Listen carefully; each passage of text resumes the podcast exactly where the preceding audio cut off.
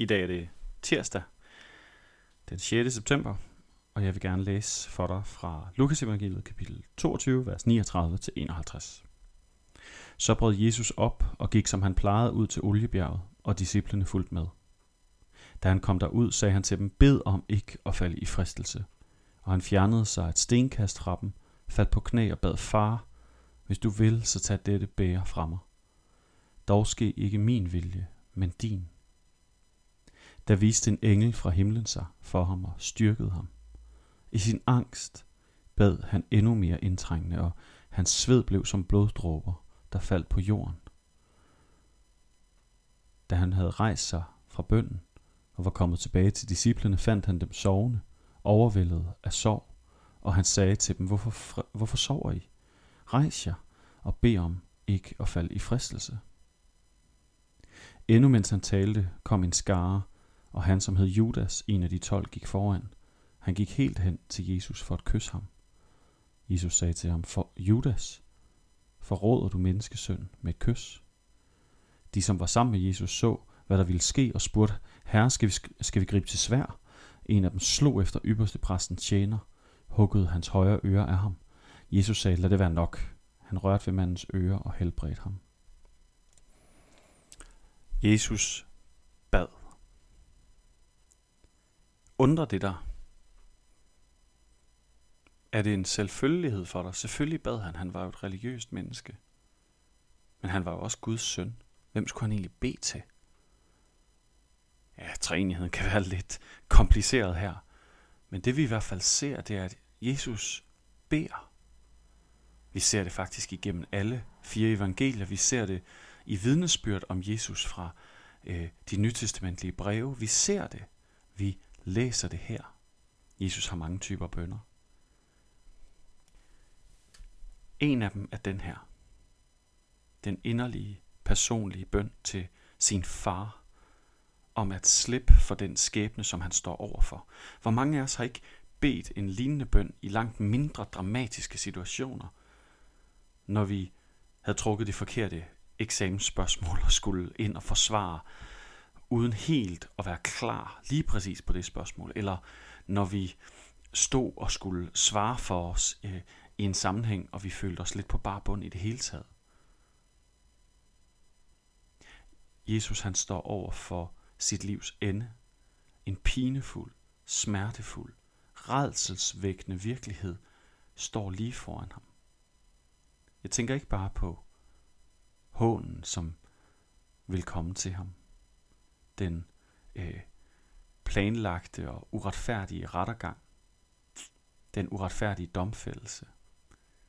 Øh, den smertefulde død, han står over for, torturen for inden. Tænker på det, der sker, da han i den 9. time erfarer Guds forladtheden. Det er det, som Jesus står over for. Han står over for mørket i sin dybeste form, ensomheden. Og her bærer han helt hjertes ud af sit hjerte, Gud, far, vil du ikke godt tage det fra mig? Og samtidig er der noget i ham, som i tillid til Gud og i kærlighed til sine medmennesker, til os, siger, men ikke, ikke min vilje ske, men din. Og selvom at Jesus går ensomhedens forladthed i møde, så møder han her Guds nåde og fred, en engel, der kommer til ham, styrker ham, også fordi Gud jo ved, at hans egne venner ikke kunne holde sig vågne til at bede og våge med ham. Hvad beder du for? Hvordan beder du? Er det ønskebønder? Er det pligtbønder? Er det ritualbønder?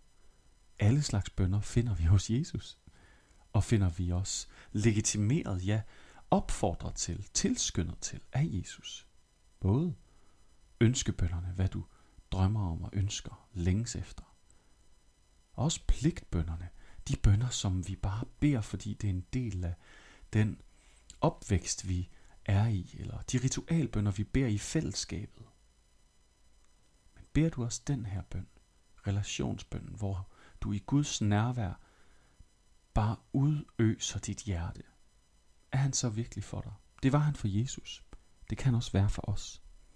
Så lige nu her i dag, hvad vil du sige til ham? Som person til person. Hvad er du fyldt af, som du har lyst til at lade ham vide, som du har lyst til at lade din elskede, din nærmeste, din ven, din forældre, din ægtefælle, din, din absolute fortrolige vide. Det sted der, hvor du bare kan udøse i fuld tillid til, at de vil tage vare på dine hemmeligheder og det, som optager dig indeni. Hvad vil du sige? Måske er det ikke så dramatisk, det håber jeg virkelig ikke for dig. Men uanset, så er den samme far nærværende og vil lytte og svare. Måske ikke med en synlig engel, men altid med sit nærvær. Lad os bede sammen. Herre, Jesus han udøste sit hjerte for dig.